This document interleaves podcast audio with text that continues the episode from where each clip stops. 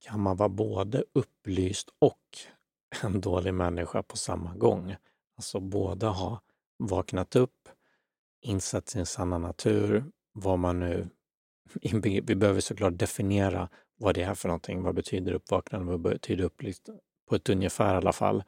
Och kanske också vad en dålig människa är.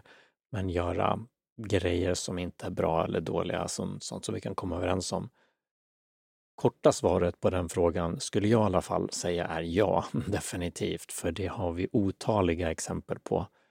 Det senaste i raden som jag själv pratat om i alla fall är han Muji som eh, om vissa då argumenterar för istället då. Muji är en, en nu levande andlig guru, men där folk säger att um, han inte är, han har inte vaknat upp eller han är inte upplyst. Det är två olika saker.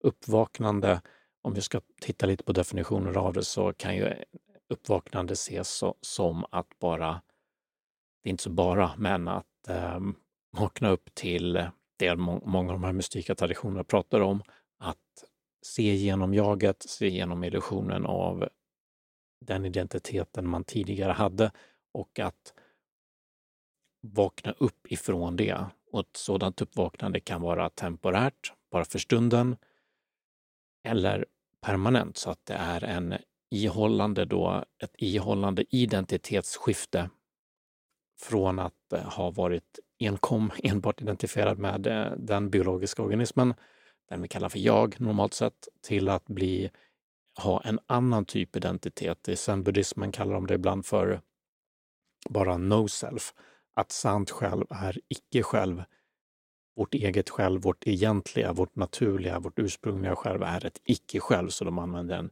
typ av negation där, bara att vi tar, bara, vi tar bort identiteten. Vi hade tidigare en, en identitet eller identifikation och sen så ser vi igenom den, det vi kallar för egot, jaget, narrativa självet, de självrefererande, självrefererande tankarna som ger upphov till en upplevelse tillsammans med de känslorna och kroppen och så vidare också, till en känsla, upplevelse av ett beständigt jag.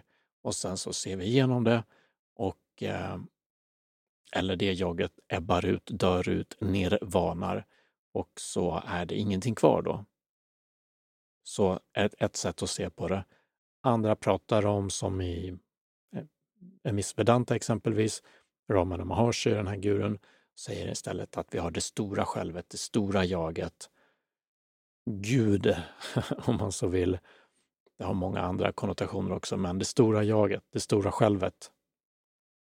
Det är vår sanna natur, alltså inte det lilla jaget, inte egot, narrativa själv, utan det stora självet som är då någonting annat och vi kan realisera det.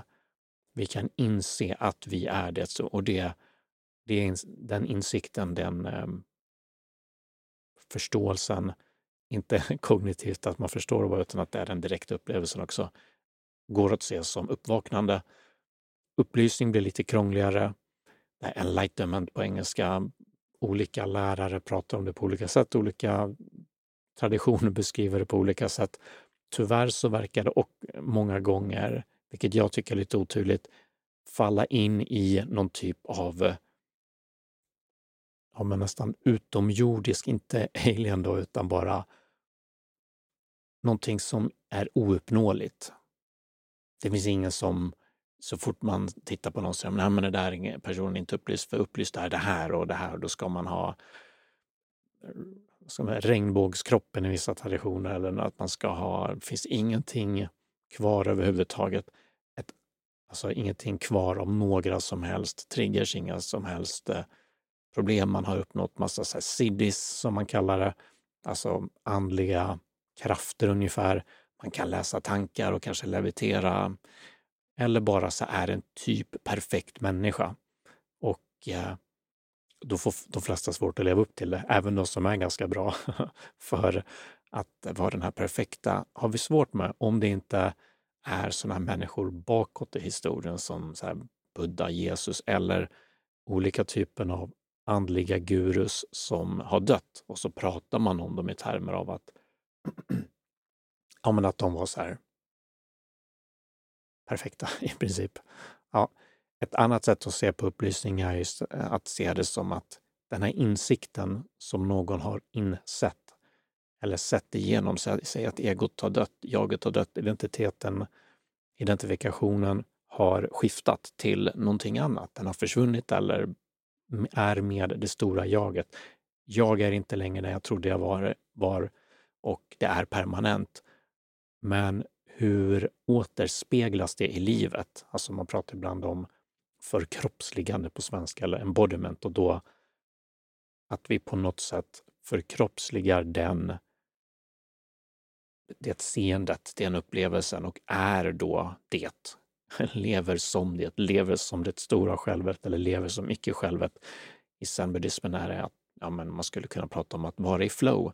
Ju mer vi är i flow kanske, desto mer är rätt sätt att se på förkroppsligande. Vi kan ha mer av oss själva i det tillståndet eller mer av det, inte tillståndet, men ja, vad du nu själv tänker att förkroppsligande är. Det är också ett ganska krångligt begrepp tycker jag. Men att vi över tid bara inte har den här upplevelsen av det utan blir mer av det också. Hur man nu vill tänka kring det. Jag tänker i alla fall att ett av de sätten är att vara mer naturlig, vara mer fri, vara mer i flow då, eller i flöde på svenska. Okej, okay, så då har vi lite grann om vad uppvaknande är och lite grann om vad upplysning skulle kunna vara. Och då, då tar vi tillbaka det till, okej, okay, har vi då människor, har vi då människor som vi kan se som har det här antingen bara ursäkta, antingen bara uppvaknande eller uppvaknande plus upplysning. Det tenderar inte kunna vara eh, bara upplysning för, eller utan uppvaknande för det ena följer av det andra. Eller det ena är förutsättning för det andra, det vill säga uppvaknandet är en förutsättning för upplysning. Så som jag ser det i alla fall, så som de flesta ser det. Har vi då människor som vaknat upp, som beter sig illa, ja, det, så det är ju lite enklare för jättemånga människor har sådana här åtminstone temporära uppvaknanden. Alla möjliga faktiskt. Ehm, det är inget eh, så här superspeciellt med det. Folk kan ha det i någon ehm, meditation, någon ute och vandrar i skogen, bara någonting att jaget faller bort på ett tydligt sätt. Det är ett typ av uppvaknande. Det kan hända i någon som tagit psykedelia. Det kan som sagt meditation, olika, ja men så här, ja men att vara i flow igen då, eller flöde. Människor, om man har den medvetenheten av, lägger märke vid den typen av saker så kan man också märka där att när man är i flow så försvinner också jaget. Det eh, faller bort och det blir bara ett görande. Saker bara görs. Och eh, det är också ett typ av uppvaknande, om man så vill. Så det är jättevanligt, framförallt de här temporära då. Det finns också de människor som har vaknat upp på det sättet att jaget, identifikationen med det narrativa självet, har fallit bort och fortsätter att vara så. Det kommer inte tillbaka. Det är borta bara, helt enkelt.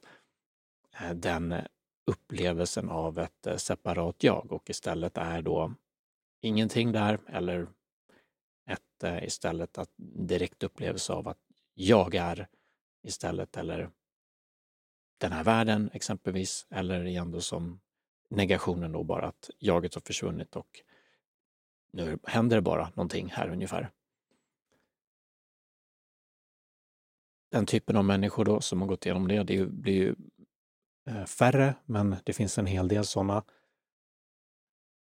Uppvaknande och vad man nu vill kalla det, upplysning, moksha, teosis och så vidare, går att, se, går att se också på ett typ av kontinuum.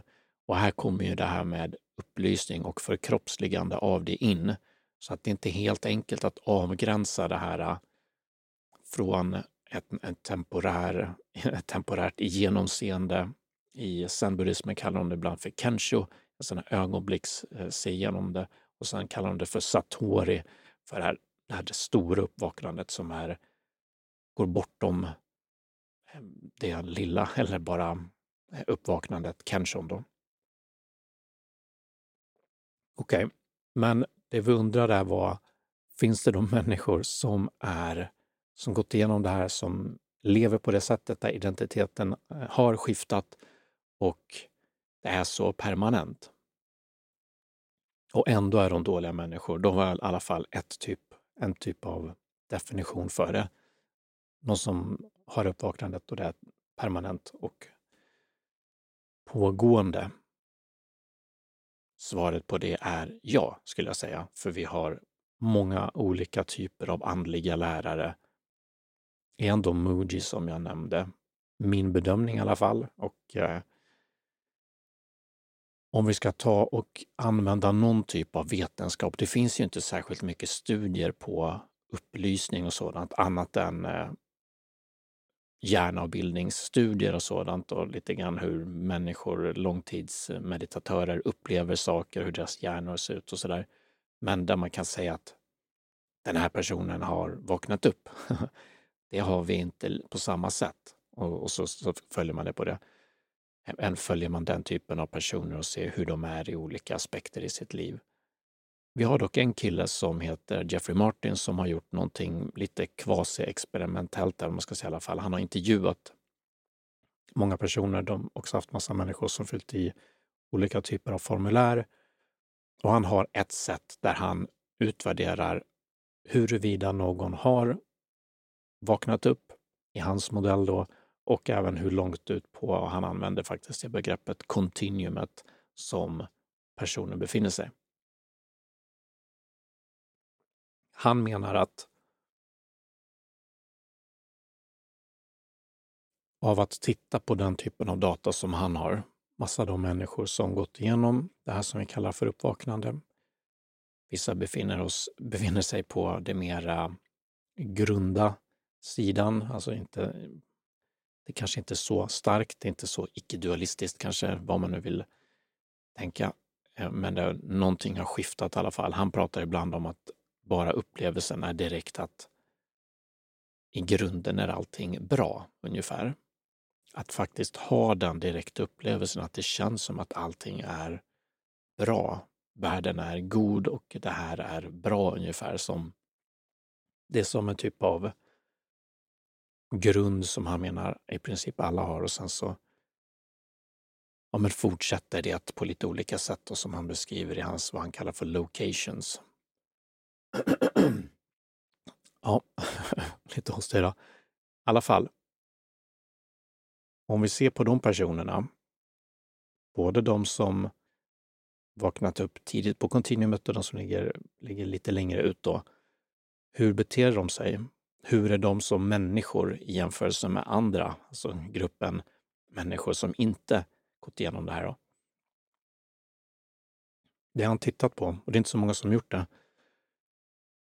Också, jag menar de gamla traditionerna har ju kanske inte haft så mycket anledning att göra den typen av studier för det är mer, vad ska man säga, förenligt eller vanligt. Det kom, det kom med den ehm, modernismen. Det kommer den eh, moderniteten i alla fall upp, efter upplysningstiden och med eh, mer modern vetenskap på 1900-talet egentligen, där vi började titta på den typen av saker och eh, psykologisk forskning och med mera. Så han har gjort i alla fall, tittat på dem, hur, ser, hur beter de sig? Så tagit olika psykologiska variabler och vad man kan se. En grej är att för kuriosa bara, att de mår väldigt bra. Och ofta ju längre ut på spektrat, desto bättre mår de. Kanske, och det är inte nödvändigtvis för att de har ett bättre liv eller för att de har mer eh, av någonting annat än välmående då. Så han kallar det för fundamental well-being ibland istället för uppvaknande eller upplysning. Då, så eh, använder han det, den terminologin terminologin eller det begreppet, fundamental well-being, alltså fundamentalt välmående. Och ibland kallar han gruppen då som gått igenom det för the group of fundamental well-being. Så det är en av de grejerna som är väldigt starkt återkommande, att människor mår bara väldigt bra utan någon egentlig anledning annat än det här då att det har hänt, skiftet. Så när det narrativa självet såklart ebbar ut eller när identifikationen med det åtminstone gör det så är det inte konstigt att människor mår, mår bättre eftersom vi mår, mår dåligt av den inre dialogen, våra tankar och även känslor om framtid, om dåtid, om um, saker som händer i nuet också. Det är typ 90 procent av våra problem. Och försvinner de genom att vi inte längre upplever identifikation med det så mår vi bättre. Det är ganska enkel logik där. I alla fall, när man tittar på de här människorna, utöver det att de mår bra så är de, blir de goda då. Blir de bättre människor? Blir de schysstare? Blir de mer moraliska? Vad jag minns i alla fall från när jag läste om det så sa han, eh, han sagt ganska tydligt nej. Att människor tenderar inte förändras särskilt mycket. Annat än att de mår mycket bättre och kan bli lite friare och eh, väldigt mycket mindre oro och sådana saker. Vissa skiftar också tydligt. Typ någon som Eckart Tolle går från att vara jag vet inte vad han gjorde innan han pluggade, vad han höll på med, men gå till att bli en andlig lärare. Då ser vi en väldigt tydlig skift, skiftning. Man ser också en väldigt tydlig, eh, väldigt tydligt skifte på de som är deprimerade, för då helt plötsligt mår de bra. De, de skiftar på det sättet. Men vad gäller i hur de är mot andra så menar han att det inte är någon större skillnad. Vi får inte högre moral. Vi blir inte schysstare. Vi blir inte bättre människor vi kan få, eller tenderar få, något mindre triggers. Så ur den aspekten, alltså triggers är när man blir ja, men, irriterad på saker eller reagerar snarare, att nervsystemet, om vi ska tänka på det sättet, reagerar på olika typer av stimuli på ett eh, sätt som det tränats till, som är ja, men någon, i någon mening dysfunktionellt idag i alla fall. Kanske var funktionellt någon gång i tiden om det är överlevnadsstrategier exempelvis som vi reagerar med så eh, finns det inget, eh, ja, inget dömande i det menar bara. Men att den triggar att man blir arg eller att man blir ledsen för saker så här ovanligt, vad ska man säga, mer än vad man själv tycker är lämpligt kanske, eller vad andra tycker är lämpligt, hur man nu ska definiera det. Man får definiera det själv som man vill, men en triggers, triggers tenderar också att minska över tid. Igen, för vi har mindre identifikation med de tankarna och känslorna som, som uppstår och, eller genomsyrar, går igenom vårt, vårt eh, kroppssinne. Så det är inte konstigt att de försvinner också. Och det kan ju såklart leda till att vi beter oss lite schysstare också. Vi blir mindre reaktiva eftersom vi inte reagerar på samma sätt lika mycket. Men det kan också ha delvis negativa effekter. Vissa blir ganska emotionellt flacka också eh, på så sätt att framförallt i vissa då location, vissa ställen eller man ska säga det, så upplever de helt enkelt inte speciellt mycket känslor och eh, kan bli ganska tillbakadragna, blir inte så interaktiva med andra människor. Men också om de lever tillsammans med någon så är de inte riktigt där. Och det kan man tycka mm, är konstigt, kanske är det dissociation och sådär, kanske det kan vara i något fall också. Men här är det också mycket bara att de, ja men de är inte riktigt där på samma sätt. De är, det jaget som var där tidigare och de känslorna som var där tidigare är inte riktigt där på samma sätt. Så det blir inte att man interagerar med samma person som var där tidigare. Inte exakt samma i alla fall. Det blir lite annorlunda då.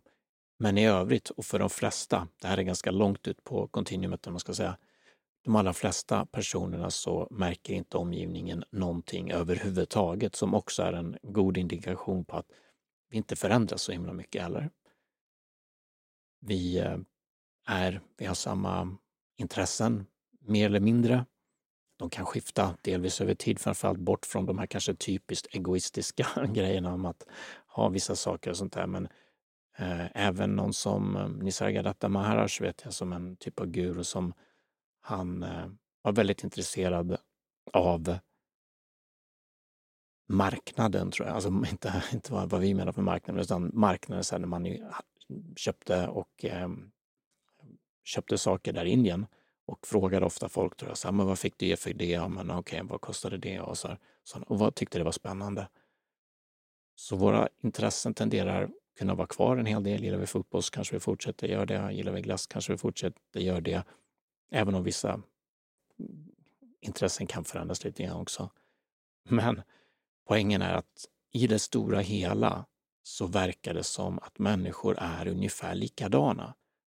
Den stora förändringen sker på insidan och på insidan på så sätt att de mår bättre, känner mindre identifikation med sina tankar och känslor, mindre oro och eh, kanske knappt någon identifikation överhuvudtaget. Men nervsystemet är redan upptränat. Hjärnan är redan inlärd. Vår inlärningshistorik fram till det ögonblicket är där och kan förvisso skifta lite grann, framförallt vad det gäller de här äh, emotionella äh, hang-ups eller triggers och sådana grejer. Men i det stora hela, vi byter inte språk, vi kan inte helt plötsligt avancerad matematik. Vi, och vi blir inte heller helt plötsligt jättegoda människor eh, med hög, eh, jättehög moral. Utan eh, det finns många exempel på människor som lurade folk på pengar. Sen vaknade de upp och sen så fortsatte de att lura folk på pengar. Och vad vi ser många gånger med, i min bild i alla fall, med andliga lärare, är att många har issues. Vad säger man? De har olika typer av problem. Det kan vara fixeringar vid pengar, vid makt, vid sex, vid eh, vad det nu är. Exakt samma problem eller läggningar som normalpopulationen har. Vissa andliga lärare kan också ha en läggning åt det kanske narcissistiska hållet, likt en del människor har, långt ifrån alla, men som eh, aktivt söker sig till en eh, position där människor eh, lyssnar till dem, följer dem, eh, som eh, i Emojis fall, kysser deras fötter. Inte sagt att det behöver vara något problem med det, men det är ett av de en av de grejerna som lyfts där, att det skulle eventuellt kunna vara det då. Så det betyder inte att alla, alla lärare eller ledare för den delen på något sätt skulle vara narcissister, men det är bara i spektrat av antal men jämfört med normalpopulationen så är det sannolikt så att ledare och de som söker sig till den typen av positioner har något mer av det. Det tror jag det är ganska välbelagt. Så det finns också. Och när vi kommer in i den positionen som lärare då, som, eller guru till och med, då, som i Mujis fall och många andra, andras fall. Det är en väldigt speciell position att hamna i. Vem som helst, vanlig människa, bara titta på någon som blir kändis, som man säger. Den personen blir kändis, har helt plötsligt ett gäng ja-sägare runt sig som tycker allt de säger är bra, plus att de får massvis med makt. Och de här som är runt om, även de som säger nej, de ryker, för de vill de inte ha där. De märker att de kan göra sig av med dem bara. Och så har de bara folk omkring sig som tycker precis som de, gör det som de vill och eh, världen känns ju såklart mycket bättre och trevligare då. så kan man bara göra precis som man vill, bara precis som man vill. Och man kan även leva ut sina, ska man säga, lustar som de flesta andra inte kan leva ut för att de inte har den makten och alla jag säger omkring sig. Så helt plötsligt kan de här andliga ledarna då ligga runt med massa unga kvinnor som de inte annars, för det är ofta det som eh, händer bland de här eh, männen som blir, alltså inte det som normalt händer med andliga manliga ledare, men det är ett av de mest eh, återkommande problemen där, när det finns problem. Precis som i samhället i övrigt. Så det är igen inget konstigt, men det blir konstigt för en del att se det eftersom man tänker att ja, men Muji eller någon annan, Osho, de är upplysta. De har ju vaknat upp. Ska man inte bli god då? Står inte det i i många av de här traditionernas böcker. Ja, det gör det ju faktiskt. I många, väldigt många traditioner så pratar de om det på det sättet och de pratar om sina andliga ledare på det sättet också. Och ehm, ja, som jag ser det så är det helt enkelt missvisande. Vi har inte särskilt många sådana personer och det är helt beroende på hur den personens uppsättning eller om man vill prata mer andligt, dess karma eller samskaras, eller vad vi nu vill kalla det, tidigare liv, eller om vi pratar mer eh, materialistiska termer, dess biologi, inlärningshistorik fram till det ögonblicket att det skiftade över. Personen vaknade upp och kanske gick mer och mer och eh, mot ett förkroppsligande också. Upplysning då. Om den har den typen av tendenser innan så kommer det sannolikt finnas kvar. Och då kommer de fortsätta hålla på med sådana. Och i kontexten av en sån här av att ha blivit ledare, andlig guru, så är det ingen bra smält deg för eh, om det finns problematiska beteenden, beteenden helt enkelt.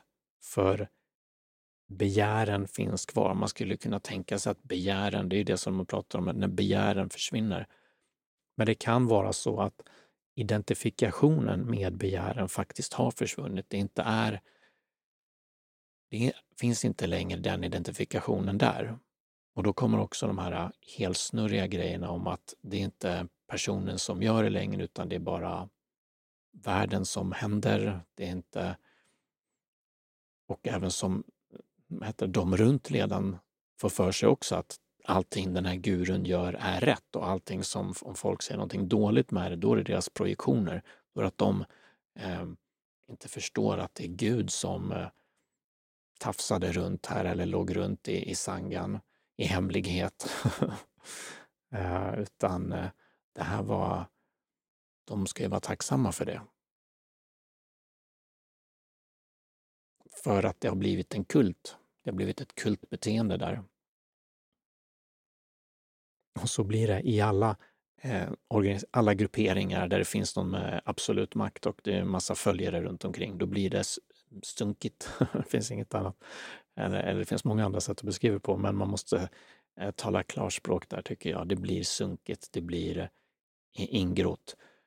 Om personen har lite bara sådana tendenser och det bildas en sån grupp som inte har någon kontroll runt sig, alltså, eller som inte har några inre regler annat än att det ledaren gör är det, det Gud, Gud vill.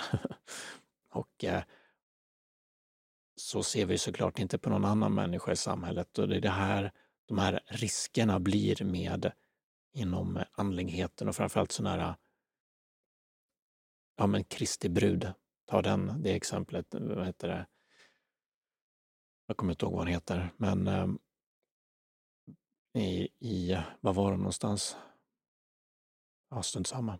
En, en svensk eh, sekt, får man väl säga, som började hitta på massa grejer om eh, att den här kvinnan då som kallades just för Kristi brud, att Jesus skulle komma tillbaka, vad det nu var, gifta sig med henne och saker som utifrån och som de själva säger också efteråt låter helt galet. De gav henne massa smycken och pengar och allt möjligt. Gjorde massa saker för henne. Och hon, tror jag såg en intervju med henne, att hon säger så här, ja, jag bad ingen om det här och det var bara de som gjorde det. Och så sjukt blir det, så att de inte ens till slut behöver be om det. Men det är inte så att om jag hade varit där, jag hade förstått att det här är det jag borde göra. För alla gör, om någon anledning så är det så. Om Kristi brud hade sagt så här, jag vill att ni slutar ge mig smycken, så skulle alla sluta med det. Det är ju alltid ledaren som sätter standarden för och sen såklart de som är där som går med på det, de har ju också ett ansvar. Men det är det här som är det här grupptänket, sektbeteendet och sånt uppstår även i moderna, Kristi brud var inte så länge sedan heller, men i moderna sangas. På grund av att det är ledare där som har olika läggningar som inte är sunda. Men de är inte jätteosunda nödvändigtvis från normalpopulationen. Det kan många gånger vara personer som är så här nästan, nästan normala och hade fortsatt vara nästan normala i alla fall i en normal kontext. Men när man lägger till att det är massa människor som tror att det är Gud själv eller Kristi brud, Jesus eh, nya, eh, vad heter det, fru eller vad det nu var, då blir det någonting helt annat. Då kan vi inte förhålla oss till den personen. Vi kan inte ha samma, samma regler och lagar gäller inte längre.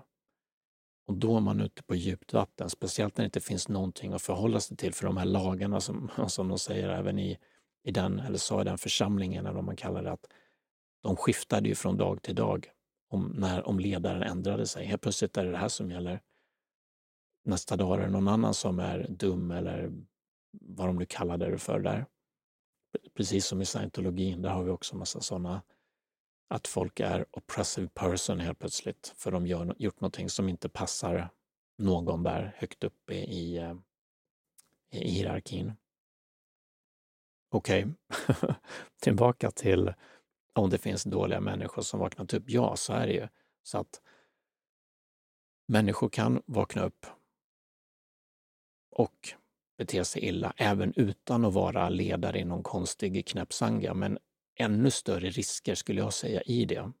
Så någon som typ, ja men Adyashanti, som så vitt jag vet hittills i alla fall har inte kommit några sådana här hemska eh, grejer kring honom. Även tror jag Rupert Spira, en sån annan non-duality-lärare, verkar inte ha vad jag, jag har inte kollat jättemycket så det kanske finns någonting nu. Men eh, låt säga, säga att de verkar schyssta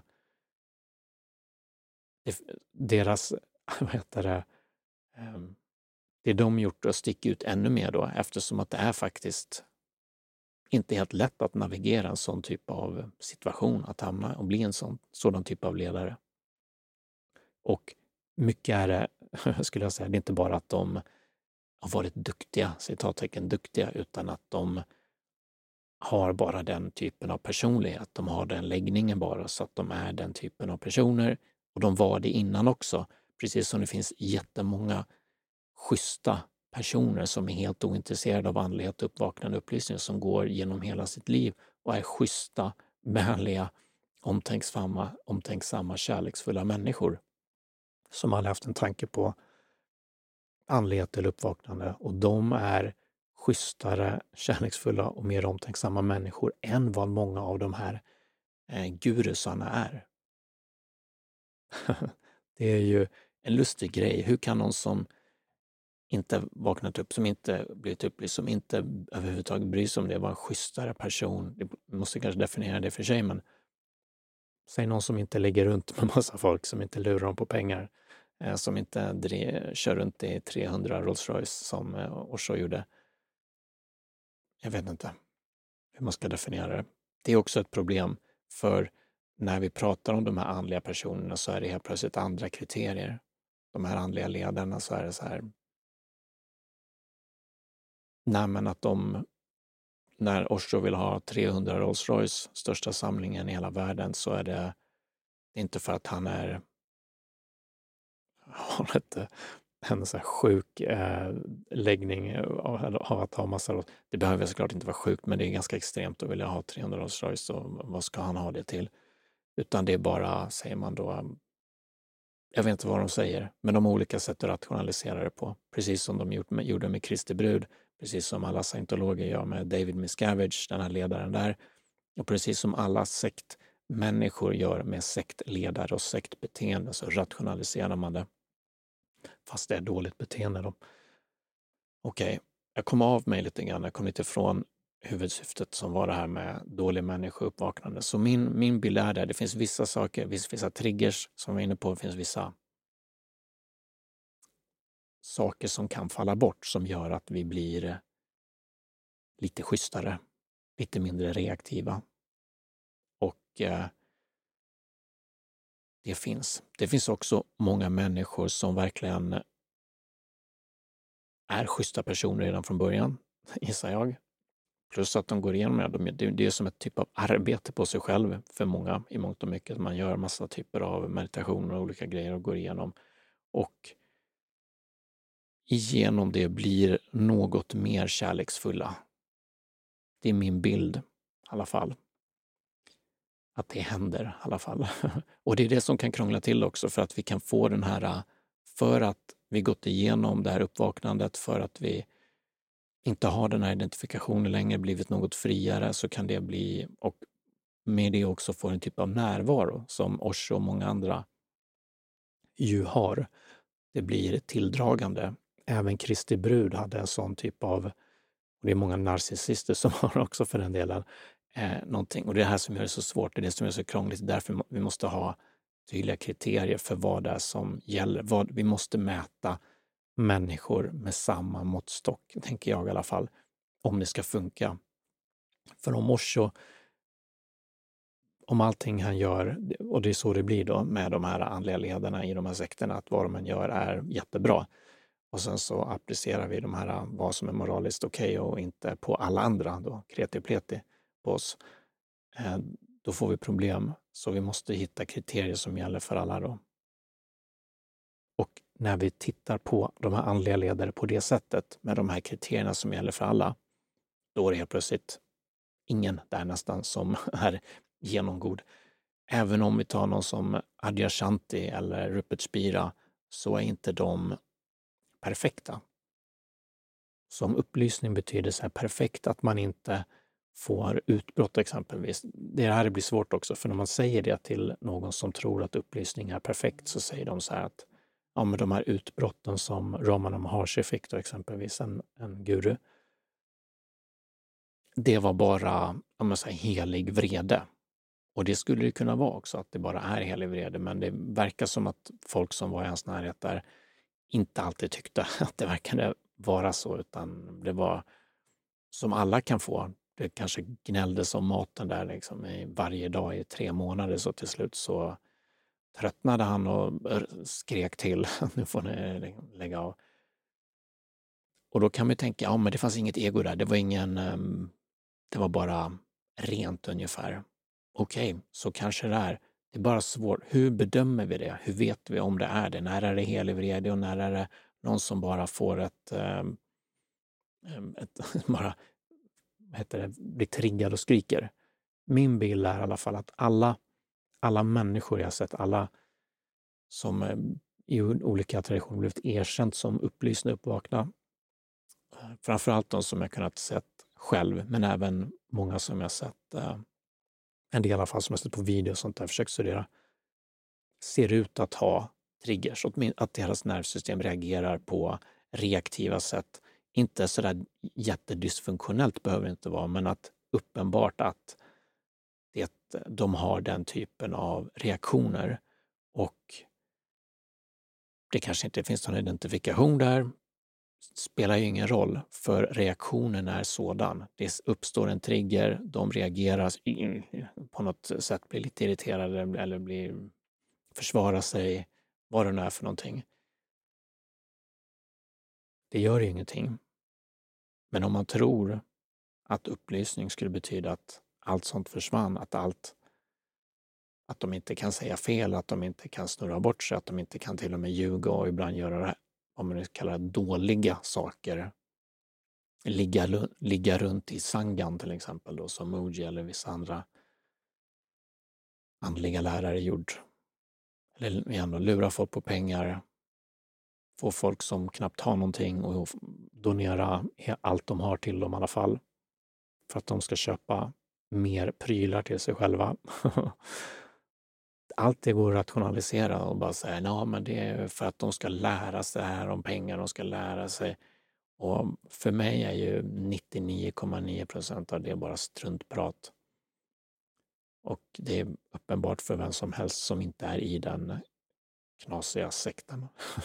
Men för de som är där så är det inte det. Och för de som tror att deras guru är den bästa och alla andra fel, precis som religionerna verkar tro att sin, eh, ofta tror att den religionen är rätt och alla andra fel, så har de fel. Det är vanliga människor. Vanliga människor i den meningen att det är vanliga biologiska nervsystem som reagerar på stimuli, som har en inlärningshistorik som inte bara försvinner för att identifikationen med det har upphört. Okej, okay. det är det jag säger om det för idag. Tack!